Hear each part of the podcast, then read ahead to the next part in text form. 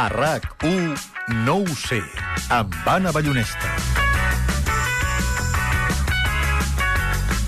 10 i gairebé 10 minuts, no s'ha parlat prou d'avui amb la Candela Figueres. Candela, com estàs? Bona Hola, nit. molt bona nit i bona I l'Anna diada. Priscila Magrinyà. Bona nit, bona diada Bona diada, bona diada. Ja queden poques hores, Ja però diguem-ho, bona diada. Bona sí, diada. exacte, bona diada, però avui, aquesta última mitja hora... Bueno, mitja No hora vols no, parlar que de la diada? 20 minuts, si us Que sembla. aquests, amb de mitja hora. 20 minutets. Sí, voleu parlar de la diada, vosaltres? No, No. Ah, val, perquè dic, no, no. Portem tot el dia. Sí, Sí, em, sembla, em semblava que no molt. volíeu i dic... no, no, n'heu- eh, n'heu parlat ja bastament, aquesta, ja no cal més. aquests últims minuts eh, potser que canviem de tema. A veure, qui vol començar? Candela, avui tu? Sí. Mira, aixeca el braç. Com si, Com a classe. si estiguéssim a l'escola. A la, a, clar, la gent de casa no ho veu, però jo he aixecat el braç. Has aixecat el braç, sí. Sí. Va, comencem, que si no no tindrem temps. Candela, de què no s'ha parlat prou? Del desastre del Fire Festival. Que, Home! no sé què és el sí, Fire a mi Festival. m'agrada anomenar-lo el Sí. mili vanili dels festivals.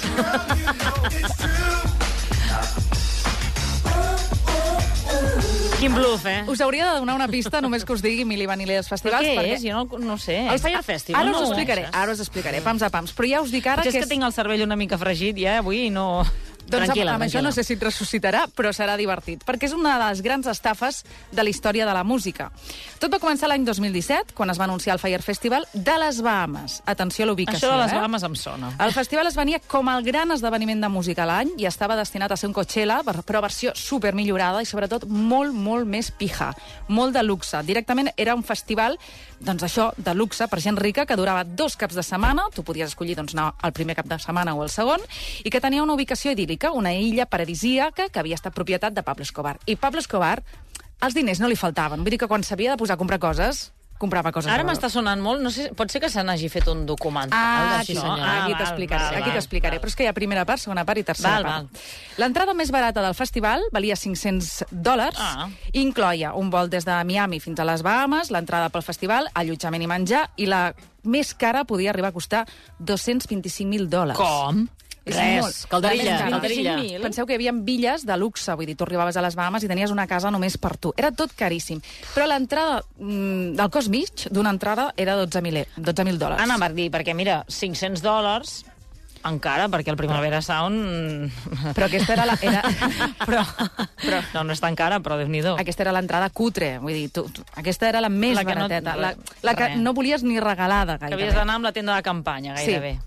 Hi havien d'actuar grups com els Blink 182 i es preveia també que anirien doncs, la flora i la fauna, la millor flora i fauna de, dels americans, no? Així, jugadors de NBA, celebrities, models, gent multimilionària. Bé, tota la festa està organitzada per un raper que es diu Ja Rule, crec que es pronuncia així, jo no el conec No massa. el conec, jo. Si no es pronuncia així, a nosaltres ens ha semblat Ens, bé, eh? no sembla bé. pateixis. I un tal Billy Si McFarlane... haguessin triomfat en aquest festival, potser sabríem bé com es pronuncia, però com que van a com va anar... Van triomfar, però cap avall. Que es deia aleshores que era el gran emprenedor de la generació millennial, com un nen prodigi dels negocis. Això el Billy McFarlane, sí, eh? perquè l'altre feia de raper i era com, doncs mira, m'ajunto amb el famós i entre tots aconseguim eh, publicitar aquest eh, festival. Bé, uh, i per això, com que us deia, com que era el gran emprenedor de la generació millennial, el que van fer per anunciar el festival és com ho farien els millennials, és a dir, a través de les xarxes socials, amb una campanya de màrqueting espectacular, superagressiva, sobretot per Instagram, amb influencers com la Kendall uh, Jenner, que és la, la de la família Kardashian, Kardashian, sí, ah, exacte, Kardashian. i la Bella Hadid, que també us sonarà perquè és una Sí. model molt coneguda. Van pagar una morterada perquè només pengessin un post que, òbviament, no van dir que era publicitat del festival. També van gravar un anunci a les xarxes on es veia supermodels de Victoria's Secret doncs, sobre iots, bevent, eh, rient, ballant... En definitiva, el que et podries imaginar, un anunci d'Estrella d'Am, però, Però- amb gent... Exacte, A l'engròs. a l'engròs, a les Bahamas i amb gent multimilionària. I ja us dic jo que aquest anunci va ser absolutament el millor del festival, perquè a partir d'aquí tot va anar cap a caiguda. I de fet, com tu bé deies, Anna, que ara dius, hòstia, em sona... Sí, sí, sí. Netflix n'ha tret un documental i així comença el tràiler. all these models like in the Bahamas. The most insane festival the world has ever seen. Island getaway turned Bé, disaster. bàsicament diu, totes aquestes models estan aquí a les Bahamas, el festival més genial del món, una escapada que va resultar ser un desastre. Perquè tu el que vols és que hi hagi models per anar al festival, no? Sí, voltar-te de, bueno, de, de gent guapa. Perquè vas, a vas, et fas una foto a l'Instagram i després està allà. Bé, la gent va arribar allà i el festival estava a mig fer. Les instal·lacions no estaven acabades, no hi havia electricitat Ah, ni seguretat. molt bé. I el dia abans havia plogut i tot estava empantanegat. Matalassos mullats, era impossible entrar a les tendes. I el que és més important, no hi havia cap grup de música, perquè tots els grups de música sabien que no s'arribaria acabar el festival a temps, van començar a anul·lar, a cancel·lar les seves uh, actuacions, i també les celebrities, d'alguna manera, se les va avisar. I no, o sigui, És allà... que la gent rica entre ells s'avisen. Llavors, jo crec que... No? És com una roda que els músics amb els models i tot, escolta'm, que jo no hi No aniré, vagis. jo tu tampoc. Deuen tenir un, un grup de WhatsApp tots junts i ja es Però això van passa a avisant. vegades, eh, amb els sopars, que dius, ah, que tu no hi vas, Ai. espera, llavors jo tampoc, aleshores l'altre tampoc, i aleshores ja es desfà el sopar al final. Però sabeu què passava? Sí, que en passa. aquest grup de WhatsApp no hi havia els assistents al festival que havien pagat la morterada per assistir-hi i que les van presentar a la illa, però després allà no hi havia res i no podien marxar. Allò era Lost. Sí, perquè no estaven programats els vols per marxar, no n'hi havia. Llavors es van haver de quedar allà a passar la nit. Això els que van tenir sort, entre cometes, i van arribar al festival, perquè molta gent ja no els van deixar ni sortir de l'aeroport. I els hi van dir, Mare es van meva. quedar allà tancats. Llavors, clar, la gent cabrejadíssima aquella nit, desesperats, hi van haver saquejos, es van cremar tendes i es va passar la nit del lloro, i mentrestant l'organització completament desapareguda i el Billy, el nen prodigi, també desaparegut. I de fet, de fet la gent del Billy li va dir, escolta'm, uh, no arribem a entregar el festival a temps, uh, cancel·la'l, i el tio, no, no, no, continuem. I uns 3 o 4 dies abans del festival es va trucar a tots els assistents perquè recarreguessin les pulseres aquestes de festival Sí. i els hi demanaven de mitjana uns 3.000 euros perquè comptaven, si tota la gent recarrega les pulseres, tindrem bastant de gaix per poder tirar aquest festival endavant. però, però com pots recarregar la pulsera amb 3.000 euros? És que l'entrada t'han costat 12.000, Anna, tant fa. Bé, quan la gent va poder sortir finalment de la illa i van tornar a casa, el primer que va fer va ser doncs, denunciar els- el Billy amb una demanda col·lectiva de 100 milions de dòlars per vendre un festival que mai havia existit. I atenció, perquè clar, el Billy encara tenia recursos. Va pagar la pasta i va sortir de fiança. I què va ser el primer que va fer quan va estar al carrer? Ai. Sí, és- Organitzar un altre festival. festival. això ho ha fet després, que ara us ho explicaré, però el primer que va fer va ser agafar tots els contactes que tenia de les entrades de la gent que li havia comprat, eh, que eren assistents al festival, i els hi va enviar eh, noves ofertes d'entrades VIP per, per, per llocs, per uh, actes, que era impossible. És a dir, com si tu ara, amb una desfilada de, de Victoria's Secret o, amb un, o a la Super Bowl, poguessis aconseguir una entrada VIP. Clar, i llavors la gent, si ho... co- Però, a veure, de- aquest home encara tenia l'esperança que algú confiés en ell? doncs, doncs es veu que sí, que sí. I clar, la gent una mica més astuta, perquè tu t'arribaven mails cada dos per tres per comprar entrades VIP, deies, hosti, doncs si això no s'ha posat a la venda, doncs si això, aquest, aquest, aquest acte mai s'hi ha pogut anar així. Però la cosa no acaba aquí, perquè l'any passat, ah, per cert, al final, que m'he colat un moment, el Billy va acabar anant a, a la presó, va complir condemna i va sortir fa un, fa un temps. I quan va sortir, què ha sigut el primer que ha fet? Un altre festival. Ah, sí, anunciant la segona edició del Va, va, Fire va. Festival. What's up, guys? This is the big day because as of right now, Fire Festival 2 tickets are officially on sale. It has been the absolute wildest journey to get here. Bé, eh, Però has diu, de, una cosa, una cosa. diu que A hi ha veure, moment, has de tenir molta autoconfiança, no? O, o ser, o tenir moltes galtes per pensar que després d'aquesta macroestafa i d'un segon intent de- d'estafar un munt de gent, encara pots fer aquest anunci i que la gent confia en tu, no? I si la gent et compra les entrades, llavors aquesta gent què és? Ruc. Doncs no, No, no, perdó, s'ho han eh? mirat gaire, no? Doncs, ja- ja. Gràcies, jo no volia dir, però... No, perquè no, crec que, és que- Candela, corregeix-me, hi havia un primer documental de fa uns anys sobre aquest festival, Sí? que aleshores jo crec que aquest senyor ha aprofitat eh, la publicitat que es va fer d'aquest primer documental per dir, va ser un desastre, però podreu dir Però- que heu anat al nou Fire És que Festival. ell també va demanar que el gravessin constantment en tot el procés. O sigui, jo crec que va anar més enllà, va voler fer negoci, va dir, graveu-me perquè també en trauré rendiment per alguna banda. Però sigui com sigui, eh, les primeres 100 entrades s'han posat a la venda i es van exaurir. Entrades que també costen una fortuna. Fortuna. 500 euros l'entrada, aquestes són una miqueta més barates, però sí que n'hi ha que arriben fins a 800... Eh, 8.000. 8.000 dòlars, perdó. I el que és el millor, també, com en el primer cas del festival, es desconeix exactament la ubicació, se sap que és al Carib, però no se sap on, i només se sap que es farà el 6 de desembre de l'any 2024. Per tant, té temps, en principi, a arribar a acabar de fer el festival. En fi... està- Realment aquesta gent li deuen sobrar molt els diners, perquè és que si no, no ho entenc. Jo és el que penso, perquè és que no... Tu parles del Fire Festival, que al final també depenen de la situació meteorològica. Fa poc hi havia el Burning Man, que és un altre festival També molt conegut als Estats. Units, que va quedar empantanegat, que la gent havia de fugir de, Sí. del fang, que no sabien com sortir-ne. Sabeu quin és uh, l'aprenentatge de tot això? Quin? Que a casa sí està molt bé. Va, Anna Pris, eh, de què més no s'ha parlat prou? A veure, doncs jo ara em poso una miqueta seriosa, eh? A veure, mm, perquè... Ai. No, però, no, no, no pateixis, no pateixis. Ara, ara m'entendràs. Um, amistats, amistats. Us ha passat, eh, tots hem tingut eh, parelles que o ens han deixat o ens han deixat a nosaltres. Mm. No sé si a vosaltres us ha passat alguna vegada que heu deixat una amistat. Que això és dur, eh? És molt dur. És com deixar una parella o fins i tot a vegades pitjor. Una amistat com, de molts anys. com voluntàriament? Sí, que al Com final... oficialment? O allò que ho deixes morir i es va acabant? Mm, oficialment, de que és una... El que diria el jovent d'avui en dia un BFF, un best friend forever, un millor amic per sempre, el que diem la gent normal, una persona propera, un amic, Un BFF. que doncs, aquesta persona al final doncs, no t'acaba d'omplir... Um, és una... Jo oficialment no m'ha passat. Jo, jo crec que com, a, com tu deixes una parella que saps que aquell dia és el final, en principi, jo, no, jo aquest pensament amb un amic no l'he tingut mai. Gent amb qui he acabat perdent el contacte, sí. Sí. O gent que saps que, que t'ha decepcionat molt i que dius, a partir d'aquí comença un altre tipus de relació, però dir-li adeu mai més no et trucaré, no.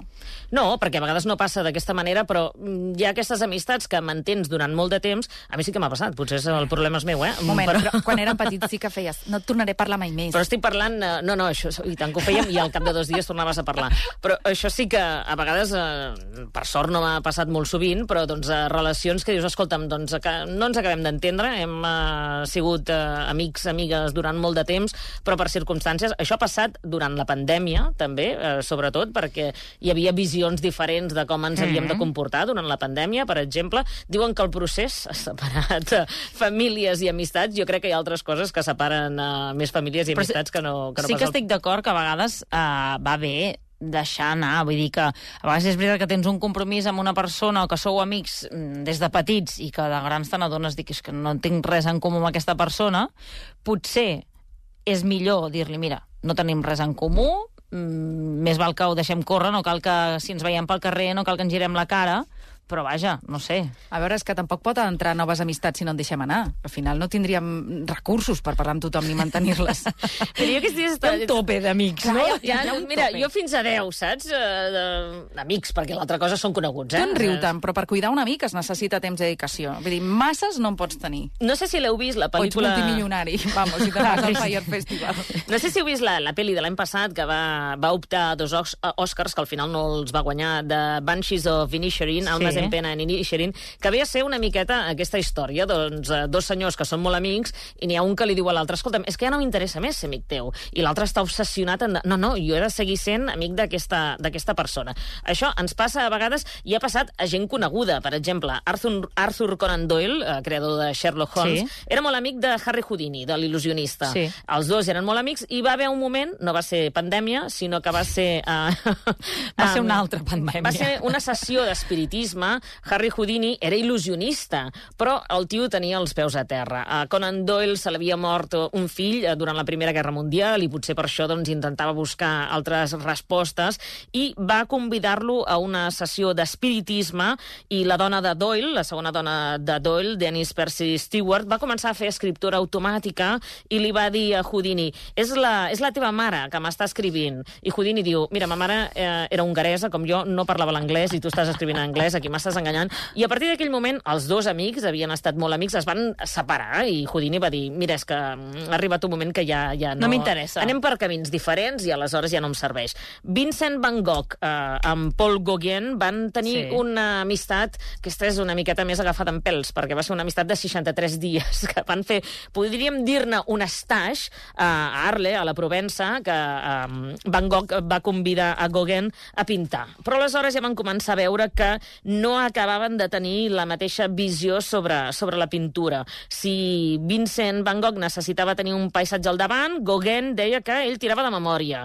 I aleshores comença l'atenció, si un s'inspirava en la natura, l'altre s'ho inventava. Això no passa res. Ai, exacte, un, anava a dir. Un se'n va fora de la casa a, a pintar paisatges i l'altre es queda dins. Doncs Gauguin va arribar un moment que va dir mira, jo foto el camp d'aquí, ja no et suporto, i què va fer en Vincent? Era el 23 de desembre de Tallar-se una 1888, orella, és broma. es va tallar... En sèrio? Va ser I per tant, això? va ser això. radical, va agafar eh? una fulla d'afaitar, es va tallar un tros del lòbul de l'orella, que no l'orella sencera, que diuen que sempre pensem que es va tallar... No, A un veure, trosset. Que tampoc cal, eh? Vull dir, però es va, tallar, es va tallar un tros de... I si ho va de... fer perquè havia perdut una amistat, de la desesperació. Mira, bueno, pobre ara- home, que també estava ja una Ara miqueta... faré una confessió. Una vegada... Ai, et vas no, tallar una orella. No, no vaig tallar res, no té res a veure amb això, però sí que recordo una vegada, quan era petita, que em vaig quedar uns dies a dormir a casa d'una amiga meva perquè els meus pares eren fora de viatge i, i la família d'aquesta amiga va tenir a bé d'acollir-me a casa seva.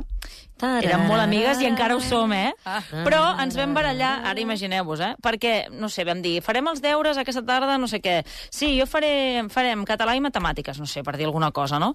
I a l'hora de materialitzar-ho, vaig dir, ah, doncs comencem per matemàtiques. No, havies dit que començàvem per català. Dic, ah, no sé, he dit català i matemàtiques com podia haver dit matemàtiques i català. Doncs aquí vam tenir una discussió que gairebé que me n'he d'anar a dormir eh, al carrer, perquè, perquè, clar, no, que tu has dit que començàvem per català i no per matemàtiques, i ja, ja, ja no els vam Ballonesta, tenir. ho tens molt a dins, això. Per... Ho, Sí, ho heu no, comentat? perquè és que ho amb- recordo com una... No, crec que no ho hem tornat a comentar. Així? I potser fa, fa A veure, que ara, 25 a anys veure, que d'això, ara no eh? tornem a obrir una ferida, Sí. perquè potser la teva col·lega t'està escoltant i diu, Ballonesta no va anar així. Si m'està escoltant, eh, res, tenim aquesta conversa pendent, ja, ja en parlarem un dia, però vaja. Les dues éreu bastant tossudes. Sí, però- molt tossudes, molt tossudes. Totes dues volíem tenir raó. Jo només volia fer la reflexió de que a vegades, eh, per, per les circumstàncies que siguin, amb una, amb una amiga, amb un amic, et trobes en circumstàncies diferents, no us acabeu d'entendre i potser és millor deixar-ho estar. Sí. He estat llegint pàgines web de, que et recomanen com fer això, de deixar una amistat. Ah, com- què? Res, feu com pugueu. Sobretot diuen que no ho facis per missatge, que és com deixar una Home, parella, però que no, que no ho facis per bàsic, missatge. no? I que, perquè a No vegades... facis ghosting, que ara molta penya fa ghosting, que és això de desaparèixer. Depèn de quin tipus d'amistat tinguis. Uh, no vull fer servir la paraula tòxica, però a vegades passa. Diuen que si no t'atreveixes a parlar-ho cara a cara, doncs que potser escriguis una carta, mm, que aleshores ja l'han vist o no l'han vist, o bueno, un correu electrònic i tot plegat, doncs uh, ho pots fer. A mi però a m'agrada vegades... una carta, un correu electrònic, deixant una amistat, i penso, sort que, te, sort que m'has deixat.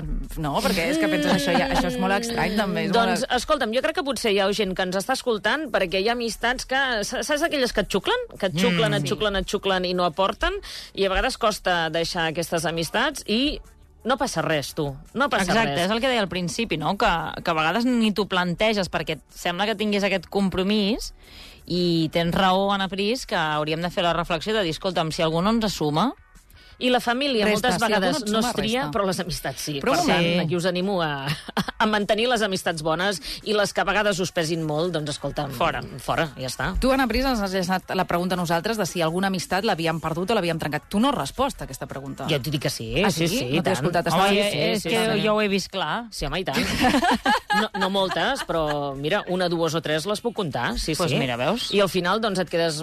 Sempre tens un dol, pateixes un dol, però també et quedes més tranquil·la, perquè, escolta'm, mm, doncs a vegades hem d'anar al, que, al que val la pena, que la vida és molt curta. Sí que m'ha passat això, ara estic Ah, espera, pensant. Sí, ara, no, no, ara, no, vinga, M'ha ara, passat a ara. vegades de, de gent que et demana com una mica de distància en temps, no? De dir, mira, és que ara no, no m'estàs anant bé per la meva vida. Vull dir que a vegades tampoc no cal com un trencament absolut i no tornar-hi a tenir relació, però sí que és veritat que ara hi he pensat de dir escolta'm, què et sembla si durant un temps doncs, mm, no ens diem tant de quedar, no ens veiem, potser jo també estic passant un mal moment, això sí que m'ha passat.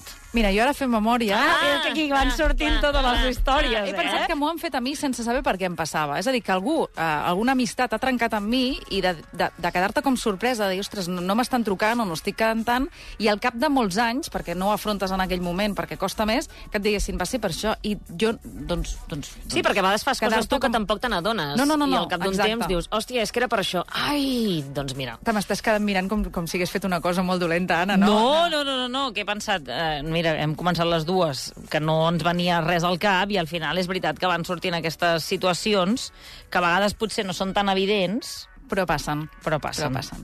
Doncs de res, noies. No, no, res. no, no, moltíssimes gràcies. Ara aquesta nit començaré a enviar missatges, eh, començaré a repassar la meva llista d'amics, a veure, i dir, a veure, suma o resta?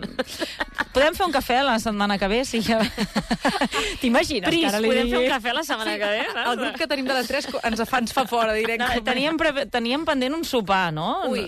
Sí. Que fa, és que fa molt que no el fem, eh? Vull dir que potser us estic dient... Ai, ai, ai, ai, és ai, un ai, sopar ai. que està, que està previst des de fa un any. No, i que ara- Potser ens estàs volent dir una cosa i no ho estem pillant. No, i Anna. que ara estava pensant jo en la possibilitat de que fos jo qui digués, però és que, clar, potser, també pot ser en el sentit invers. Clar, és a dir, clar, pot ser clar. que algú demà al matí m'envia un missatge de ei, mm, podem quedar per fer un... Ara no voldrem quedar amb ningú. per si de cas. No volia avui tampoc crear-vos aquest mal rotllo, però vinga, Doncs que tingueu sigui, una gràcies. molt bona diada. Sí, exacte, molt bona dia. Ens ha deixat molt bon gust de boca aquest tema que ens ha portat avui la, De res, l'Anna de res, de res. Res, havíem de parlar de, de l'origen de l'estic tàrtar, Candela, però ho deixarem per un altre dia, eh? Sí, sabeu d'on surt això? O... Jo no ho sé, però D'una amistat mal portada. Segurament, perquè i la va acabar Però ara m'ha trossejant. agafat Ui, no, no, no, no, Calla, calla, calla, calla, calla. Candela Figueres, Ana Priscila Magrinyà, que vagi molt bé. Fins la setmana que ve. Una abraçada.